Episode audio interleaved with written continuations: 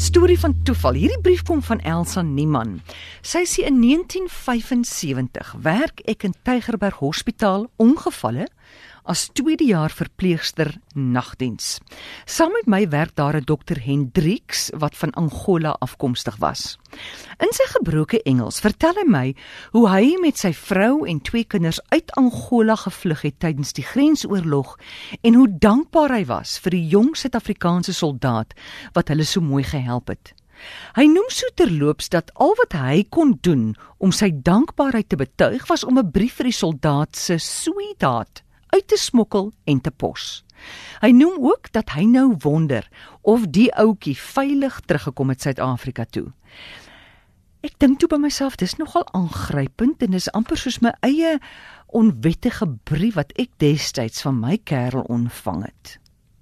Die volgende week gaan dit dol daar in ongevalle en ek bel hoekom my kerel om vir ons tog hamburgers en skyfies by Dromedaris inry kafee in Parow te gaan koop en goud te bring.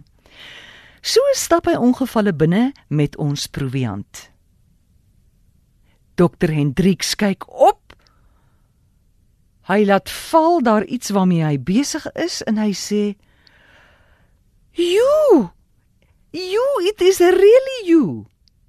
Steven, my kerel staan verstom en hy sê: "Dokter."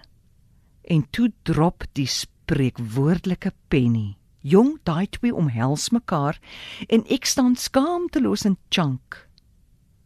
Daai brief was my brief. Daai sweetheart was ek. En daai oulike ouetjie was souwaar my boyfriend. Ons was vir 19 jaar toe getroud en ons het 3 kinders gehad. Hy is Steven Smeda. Hy was destyds in die Suidwes-Afrika vir sy basies en kon net vir sy 7 dae pas huis toe kom. Nadat hy terug is, het ek en sy ouers net een brief gekry om te sê hulle gaan grens toe en daarna algehele stilte. En toe die gesmokkelde brief waarin hy laat weet dat hulle is in Angola en dit gaan goed. Is dit nou nie toeval nie?